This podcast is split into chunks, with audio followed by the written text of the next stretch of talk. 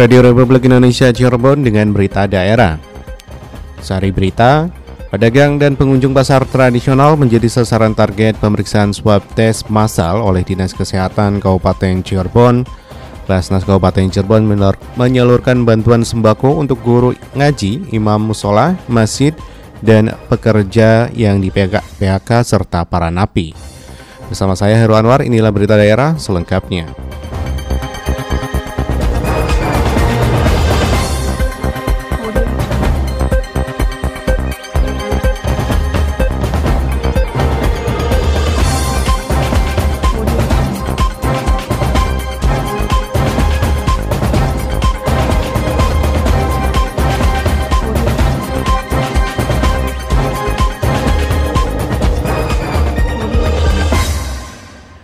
Pedagang dan pengunjung pasar tradisional menjadi sasaran target pemeriksaan swab tes massal oleh Dinas Kesehatan Kabupaten Cirebon. Selengkapnya dilaporkan Muhammad Bakri. Jadi jangan takut.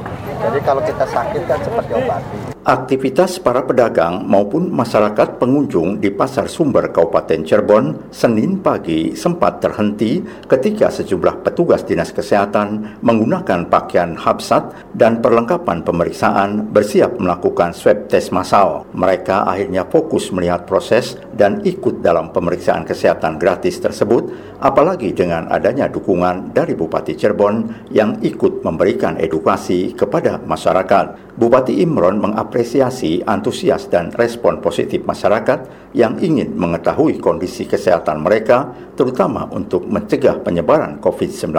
Kita mengadakan pemeriksaan pasar ini agar kita bisa mengetahui dicek supaya masyarakat untuk mengantisipasi penularan virus corona ini kan kita tahu mana yang sakit tidak. Kalau yang sakit nanti kita obati, yang tidak sakit kan kita pulang. Dan alhamdulillah respon dari ya, pengunjung pasar sumber ini banyak. Sementara Kepala Dinas Kesehatan Hajah Eni Suhaini mengatakan sasaran pemeriksaan swab test massal secara teknis yaitu pedagang dan pengunjung yang mempunyai EKTP karena laporan pemeriksaan dibuat secara online ke pusat. Pemeriksaan swab test massal di Kabupaten Cirebon, tutur Eni, meski ditargetkan 5.000, namun yang sedang dilakukan menyesuaikan ketersediaan regen sebanyak 1.000 sampel. Pokoknya kita ada regen 1.000 itu harus segera dihabiskan. Jadi targetnya itu untuk kabupaten sendiri targetnya kan 5.000, tetapi yang kita baru menyiapkan itu 1.000 regen. Nah ini harus segera dihabiskan. Jadi itu targetnya ya sebanyak-banyak. 1.000 itu harus habis. Kalau misalkan ditemukan, misalkan ada banyak. Kalau ditemukan tentunya kalau orang itu tanpa gejala itu kan harus isolasi mandiri. Tentunya dengan pengawasan kita juga akan konsultasi dengan dokter yang ada di Kabupaten Cirebon. Eni Suhaini mengungkapkan pemeriksaan swab tes massal di pasar oleh pemerintah Kabupaten Cirebon merupakan upaya yang pertama dilakukan Pemda se-Ciayu Majakuning. Langkah tersebut sebagai kewaspadaan dan pencegahan terhadap COVID-19, terutama adanya pemudik yang sudah mencapai 41 ribu lebih, apalagi menyusul akan datang 5 ribu pemudik TKI asal Jawa Barat termasuk dari Kabupaten Cirebon. Sementara target pemeriksaan swab tes massal di Pasar Sumber sebanyak 50 hingga 100 orang ditambah dengan jumlah pemeriksaan di 6 puskesmas yang terdapat ODP, PDP, dan OTG. Selain pasar sumber yang menjadi sasaran pemeriksaan swab tes massal, masih terdapat 9 pasar lainnya, di antaranya Pasar Pasalaran, Jamblang, Palimanan, Babakan, Ciledug, serta Cipeje. Muhammad Bakri melaporkan.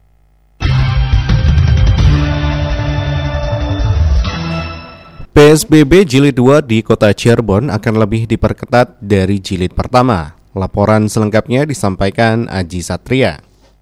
Perpanjangan masa pembatasan sosial berskala besar PSBB di wilayah kota Cirebon yang akan dimulai tanggal 20 Mei hingga 2 Juni 2020 akan terus dimaksimalkan. Kepada RRI Wali Kota Cirebon Nasrun Ajis menegaskan bahwa dalam masa PSBB untuk memutus mata rantai dari pandemi wabah virus corona atau COVID-19 ini pihaknya akan lebih memperketat alur keluar masuk orang terutama dari tingkat RT RW. Dalam artian akan ada penempatan petugas di masing-masing wilayah dan akan lebih memperketat jalur keluar masuk tersebut. Dengan demikian, Tandas Nasruddin Ajis PSBB Jilid 2 di Kota Cirebon diharapkan bisa sukses. Jadi PSBB akan diperpanjang.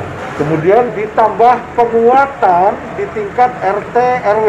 Artinya pengendalian keluar masuknya masyarakat di RT RW ini akan diperketat gitu, diperketat ya.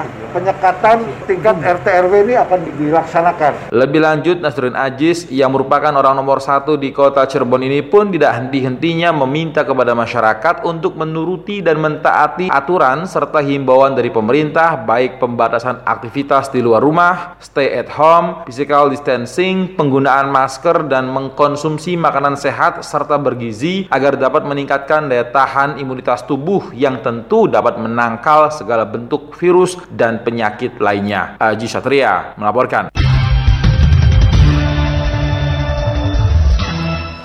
Data COVID-19 Kabupaten Cirebon menunjukkan adanya penambahan kasus pasien dalam pengawasan atau PDP dan orang dalam pemantauan atau ODP.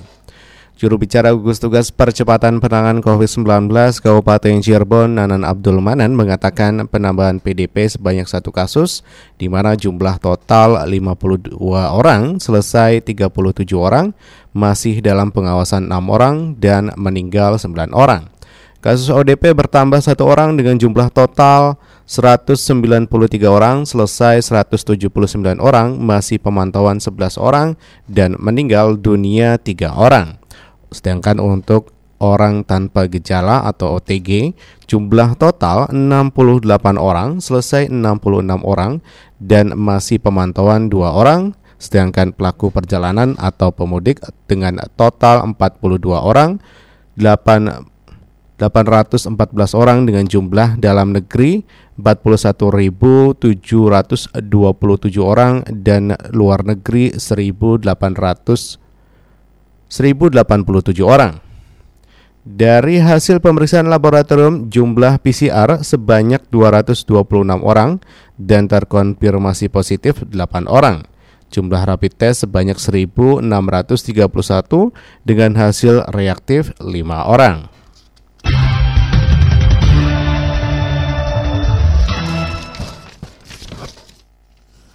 Basnas Kabupaten Cirebon menyalurkan bantuan sembako untuk guru ngaji, imam musola dan masjid, pekerja yang di PHK, di PHK serta para napi.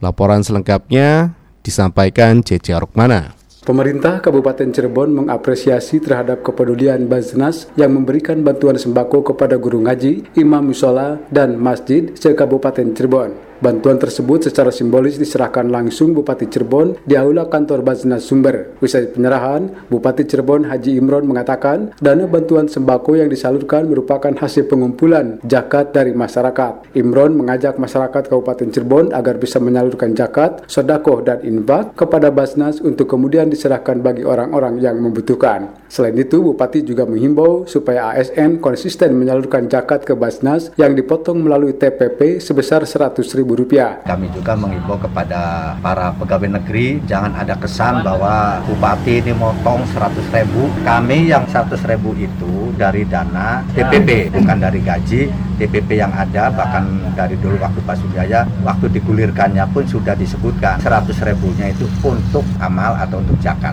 per bulannya. Tapi sekarang masih belum jalan 100% karena ada beberapa SKPD yang masih ya bagaimana prosedurnya. Kita ingin bendahara-bendahara ini dengan Bank Jabar langsung zakatnya itu disalurkan supaya jangan ribet khawatir kalau disalurkan tidak langsung itu khawatir lupa. Sementara Ketua Baznas Kiai Haji Mahfuz Budiman mengatakan sumber dana bantuan sembako berasal dari zakat profesi para ASN di lingkungan Pemkab Cirebon. Sembako yang disalurkan dengan harga Rp350.000 per paket berupa 10 kg beras dan kebutuhan pokok masyarakat lainnya. Dari kita menentukannya siapanya. Kalau yang Imam Musola dari DMI, yang kemarin 3.000 dari Kecamatan Desa, terus yang dari Disnakertaran yang di PHK itu ada 133 juga dari Dinas Dinas Tenaga Kerja yang juga dari NAPI datanya dari Provinsi Jawa Barat. Kita tinggal nyalur-nyalurkan aja. Yang 3000 kali 3 berarti 9000 yang 1200 kali 3 3600 ditambah 40 para ulama kecamatan tambah di Snaker tadi 133 orang dan 110 NAPI. Kiai Haji Mahfuz Budiman mengungkapkan total anggaran untuk bantuan sembako yang sudah disalurkan sebanyak 1,7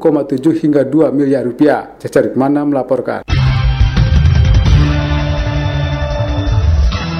Meski Kabupaten Majalengka sudah memasuki zona hijau COVID-19, namun pemerintah Kabupaten Majalengka akan mengajukan kembali perpanjangan pembatasan sosial berskala besar atau PSBB secara menyeluruh dari mulai tanggal 2 Mei, 20 Mei hingga 2 Juni 2020.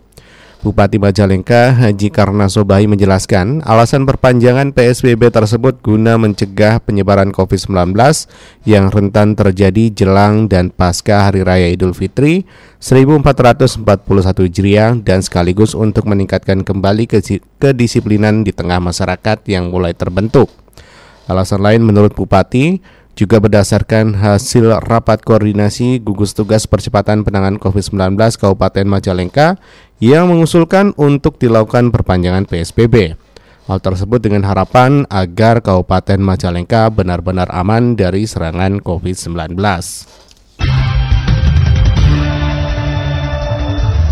Polres Cirebon Polresta Cirebon menggelar pemeriksaan kendaraan dan checkpoint di gerbang tol Palimanan.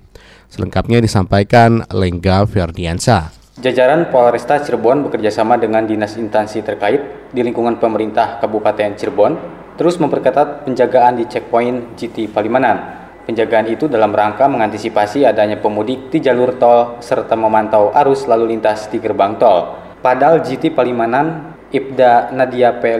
Mengatakan kondisi lalu lintas di GT Tol Palimanan terpantau cukup lengang rata-rata kendaraan yang keluar masuk didominasi oleh kendaraan didominasi oleh kendaraan muatan barang dan sembako serta tidak sedikit juga kendaraan minibus. Pada checkpoint gerbang tol Palimanan, jumlah kendaraan yang diperiksa sebanyak 20 kendaraan dan kendaraan yang ditilang sebanyak 4 kendaraan. Mereka pelanggar merupakan sopir travel Grab, yang memaksakan membawa pemudik. Kalau untuk penumpangnya sendiri, baik kendaraan pribadi maupun kendaraan umum, semuanya kita turunkan, lalu semuanya juga kita cek kesehatannya, cek suhu tubuhnya. Jadi kalau untuk kendaraan pribadi, setelah kita lakukan pemeriksaan, rata-rata itu dari PT atau sedang melaksanakan tugas, mereka membawa surat-surat tugasnya juga, surat-surat kendaraannya juga lengkap, jadi kita persilakan jalan. Untuk para pengguna jalan, kami harapkan untuk saat ini tunda dulu mudiknya, jaga kesehatan, kesehatan, jaga keselamatan, dan sayangi keluarga Anda. Menurut Ibda Nadia, adapun kendaraan pribadi jenis minibus masih ada yang keluar masuk GT Tol Palimanan. Mereka bukan pemudik, melainkan pekerja maupun pegawai yang sedang melaksanakan tugas karena disertai surat perjalanan dinas. Secara keseluruhan, arus lalu lintas di GT Palimanan dalam keadaan aman, lancar, dan terkendali tidak ada kepadatan arus. Lengga Ferdiansyah melaporkan. Lebaran di tengah pandemi membuat umat Islam harus lebih kuat dan sabar menghadapinya. Momen Lebaran tahun 1441 Hijriah menjadi fokus untuk kami informasikan kepada Anda. Inilah Lebaran bersama RRI.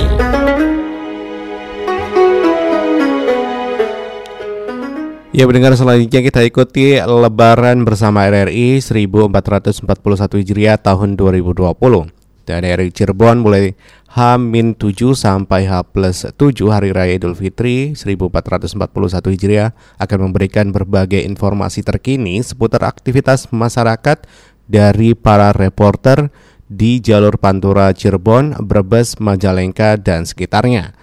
Dan pendengar untuk mengetahui situasi terkini di, di gerbang tol Palimanan Cirebon, kita menuju reporter Alex Sunardi yang akan menyampaikan laporannya. Ya, Alex Sunardi, silakan laporan Anda. Iya, baik. Terima kasih rekan Hairul Anwar. Pendengar, seperti tadi yang disampaikan rekan Hairul Anwar, pagi hari ini saya berada di exit tol Palimanan, di mana pagi hari ini dapat saya laporkan situasi di jalur uh, tol Palimanan memang cukup lengang dan hanya terlihat beberapa kendaraan yang datang dari arah Jakarta menuju pintu tol keluar Palimanan, di mana pada pagi hari ini pintu tol Palimanan sendiri gerbang yang dibuka ini hanya tiga gerbang yang dari arah Jakarta menuju uh, keluar pintu tol Palimanan. Dan begitupun juga sebaliknya dari arah Cirebon menuju ke Jakarta ada gerbang pintu tol yang dibuka. Dan ini tentu saja berbeda dengan tahun sebelumnya di mana saat menjelang Idul Fitri tentu saja uh, jalan tol ini akan makin ramai dilintasi ataupun dilalui oleh kendaraan yang akan melakukan perjalanan pulang kampung ke kampung halamannya. Dan memang situasi di saat pandemi virus corona seperti saat ini mengharuskan masyarakat untuk tidak uh, mudik terlebih dahulu meskipun juga pemerintah sudah melonggarkan aturan mudik namun memang uh, hanya masyarakat yang uh, dengan keperluan tertentu yang diperbolehkan untuk uh, melakukan perjalanan mudik dan harus memenuhi persyaratan yang sudah ditetapkan oleh pemerintah tentunya. Dan di pagi hari ini memang kendaraan yang melintas di tol Palimanan sendiri memang lebih didominasi oleh kendaraan truk besar maupun juga kontainer yang rata-rata truk ini membawa sembako dan juga bahan makanan lainnya.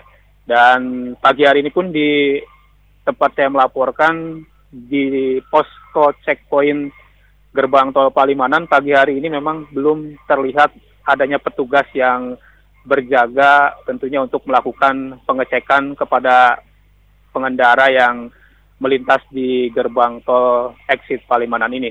Dan untuk cuaca sendiri pagi hari ini pendengar cuaca cukup cerah dan tentunya ini uh, cukup mendukung bagi siapa pun tentunya yang saat ini tengah melakukan perjalanan baik itu uh, di tol maupun di jalur uh, Pantura.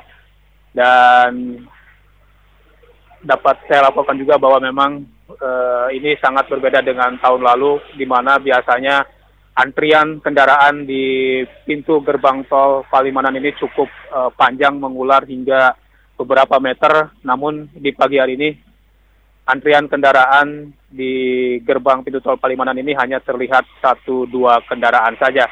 Namun demikian meski situasi ataupun arus cukup lengang, namun tentunya kewaspadaan harus tetap uh, dilakukan oleh para pengemudi karena perjalanan dari Jakarta menuju ke Cirebon tentunya merupakan perjalanan yang lumayan cukup jauh tentunya jika sudah merasa lelah lebih baik untuk uh, berhenti sejenak di rest area yang ada di sepanjang tol Cipali ini. Baik, rekan Herul Anwar, informasi yang dapat saya sampaikan dari gerbang tol Palimanan, Alex Sunardi melaporkan kembali ke Anda di studio. Idul Fitri di tengah pandemi. Anda sedang mendengarkan program Lebaran bersama RRI.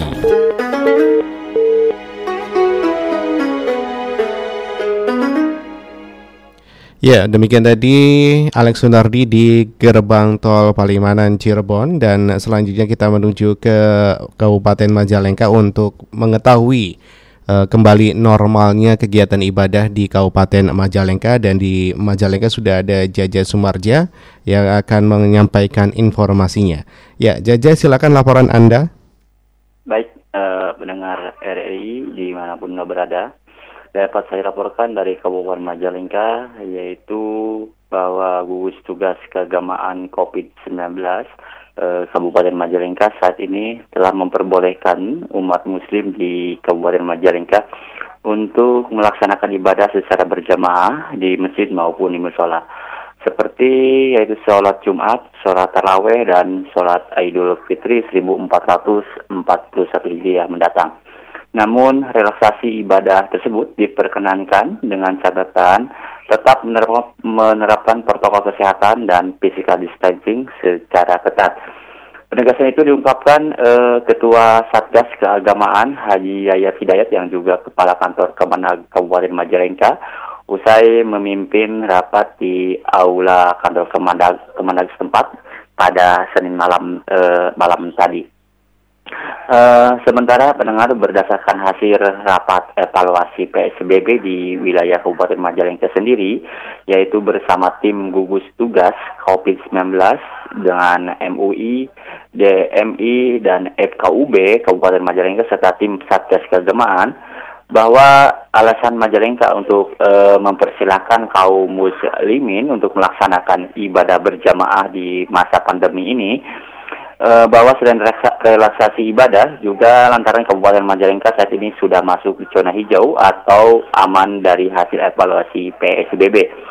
Kendati ada pelonggaran beribadah, uh, namun tempat yang akan dilaksanakan harus benar-benar steril, aman dari bahaya COVID-19 dan tidak terkonsentrasi pada satu titik atau harus uh, berjamaah secara menyebar serta berada di kawasan yang benar-benar terkendali dari virus corona.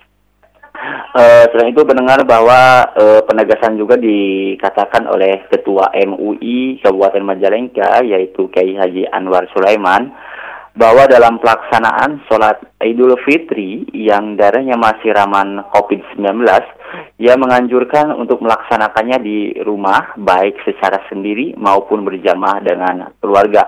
Namun sedangkan bagi zona yang aman diperbolehkan untuk melaksanakan sholat di masjid dan e, tetap melaksanakan e, protokol kesehatan seperti membawa sejadah masing-masing, e, memakai masker dan tidak bersalaman, serta memperpendek bacaan sholat dan khutbah, kemudian menjaga jarak minimal 1 meter. Namun menurut uh, Ketua MUI Majalengka bahwa khusus untuk di wilayah Kabupaten Majalengka sendiri bahwa uh, saat ini meski sholat Jumat, taraweh hingga sholat Idul Fitri boleh untuk dilaksanakan kembali. Namun untuk silaturahmi uh, seperti silaturahmi dan ziarah kubur dan takbir keliling tidak diboleh dilaksanakan. Namun yang boleh dilaksanakan hanya takbir di masjid ataupun musola dengan jumlah terbatas. Uh, setelah itu pendengar dapat saya uh, laporkan pula bahwa terkait uh, kondisi uh, Pemkab Majalengka untuk memperbolehkan kembali sholat Jumat, Tarawih hingga sholat Idul Fitri di wilayah Kabupaten Majalengka ini.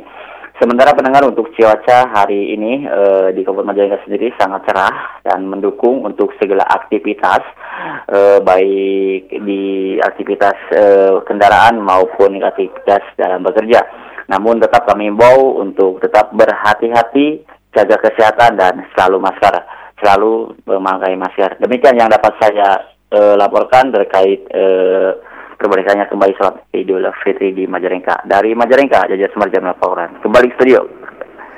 Ya terima kasih Jajah Sumarja laporan Anda dan uh, pendengar selanjutnya kita akan uh, mengeta uh, mengetahui situasi terkini di exit tol Pejagan Brebes bersama Ruli dan silakan Ruli laporan Anda.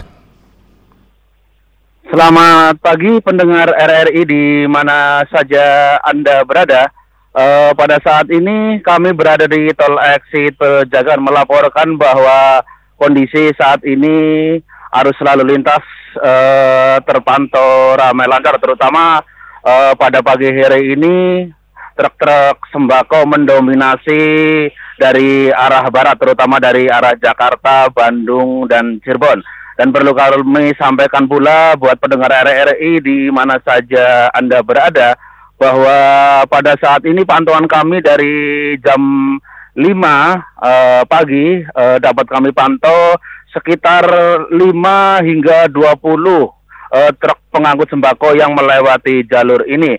Dan dominasi juga masih didominasi oleh mobil-mobil pribadi dan mobil-mobil dan perlu kami himbau kepada para pendengar RRI tentu saja eh, bagi pengendara yang melewati jalur ini, terutama bagi yang mau ke arah Bumiayu, Purwokerto dan eh, Yogyakarta lewat jalur selatan, tetap harus berhati-hati eh, karena eh, di tanjakan Dermoleng Ketanggungan ada tanjakan yang cukup curam di flyover. Tentu kami himbau kepada para pengendara roda 4 ataupun roda juga harus berhati-hati.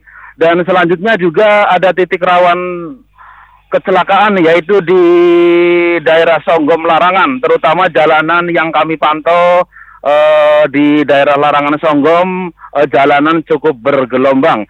Dan pada saat ini kami laporkan uh, buat para pengendara yang keluar dari jalur tol exit Pejagan terutama bagi yang melewat jalur pertigaan pejagan juga tetap harus berhati-hati karena di sini setiap dua jam ada kereta lewat dari jalur selatan.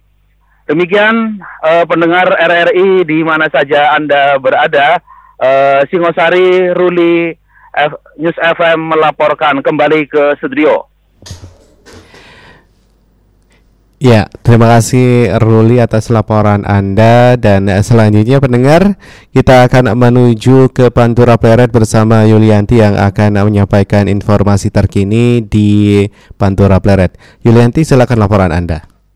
Ya, Hairul Anwar dan pendengar RRI Cirebon saat ini saya berada di checkpoint Ramayana Weru di mana bisa eh, kami sampaikan informasi terkini di pagi hari ini arus lalu lintas atau mobilitas para pengendara baik itu sepeda motor maupun mobil yang melintas di jalur Pantura masih normal namun terlihat ada sedikit berbeda dengan hari kemarin uh, Senin.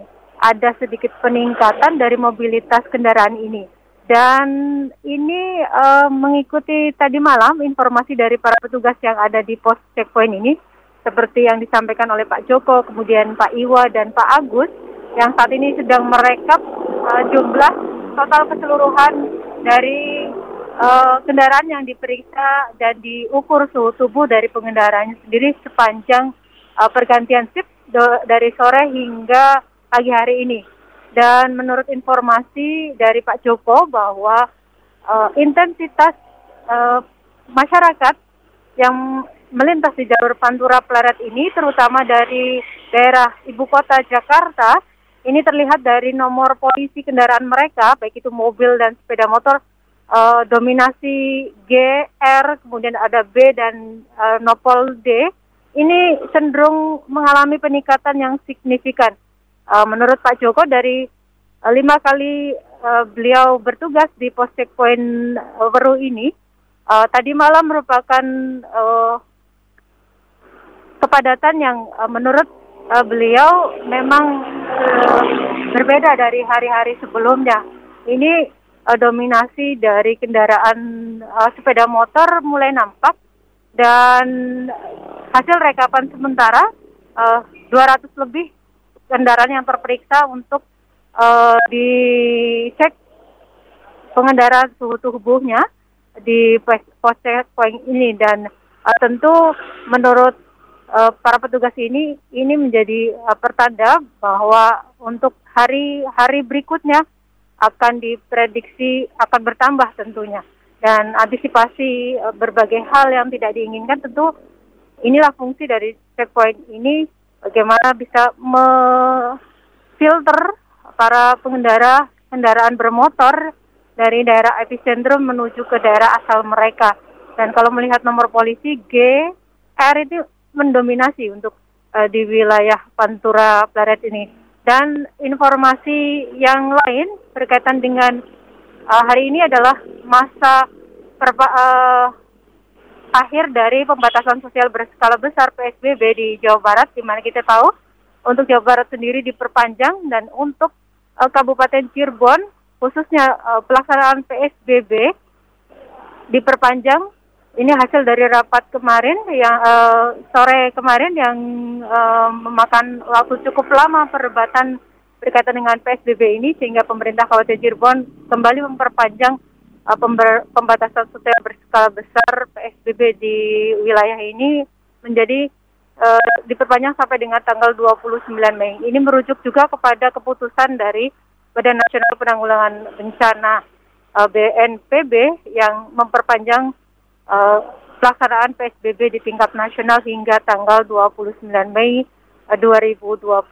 Dan uh, kaitan dengan ini tentu pemerintah Kabupaten Cirebon sudah melakukan langkah-langkah antisipatif lainnya, terutama memfokuskan uh, perhatian untuk kedatangan dari masyarakat yang memang berada di daerah-daerah epicentrum seperti Jakarta sekitarnya dan Bandung yang uh, pada H-5 dan uh, menuju ke hari Lebaran ini akan berniat kembali ke Kabupaten Cirebon dengan mendorong uh, pemantauan pengawasan di tingkat RT dan RW. Ini menjadi garda paling uh, depan untuk bagaimana menghalau atau mengfilter uh, penyebaran uh, dari virus COVID ini melalui berbagai upaya pengecekan, kemudian langkah-langkah antisipatif dengan menutup sejumlah ruas-ruas uh, jalan akses atau uh, akses di wilayah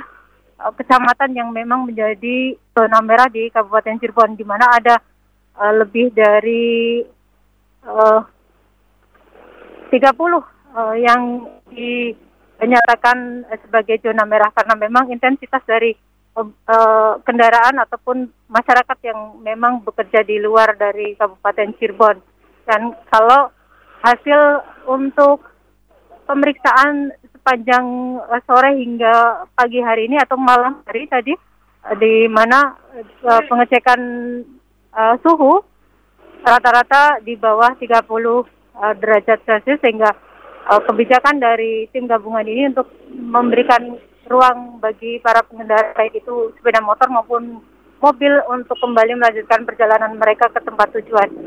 Uh, demikian informasi sementara kita akan terus update uh, bagaimana perkembangan dari uh, lalu lintas atau mobilitas masyarakat dari daerah epicentrum khususnya Jakarta yang uh, memang menjadi uh, bagian dari wilayah Kabupaten Cirebon ataupun yang menggunakan memanfaatkan jalur Pantura sebagai uh, akses perjalanan mereka menuju ke kampung halaman. Dari pos checkpoint Weru, Yulianti kembali ke Hairul di studio.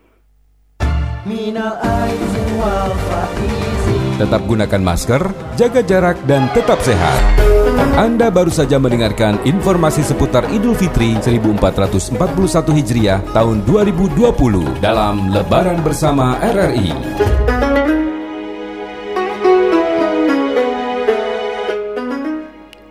Pendengar laporan dari Yulianti tadi sekaligus mengakhiri berita daerah pagi hari ini dan selamat pagi. Demikian rangkaian berita aktual pagi ini dalam Buletin Berita Daerah Radio Republik Indonesia Cirebon.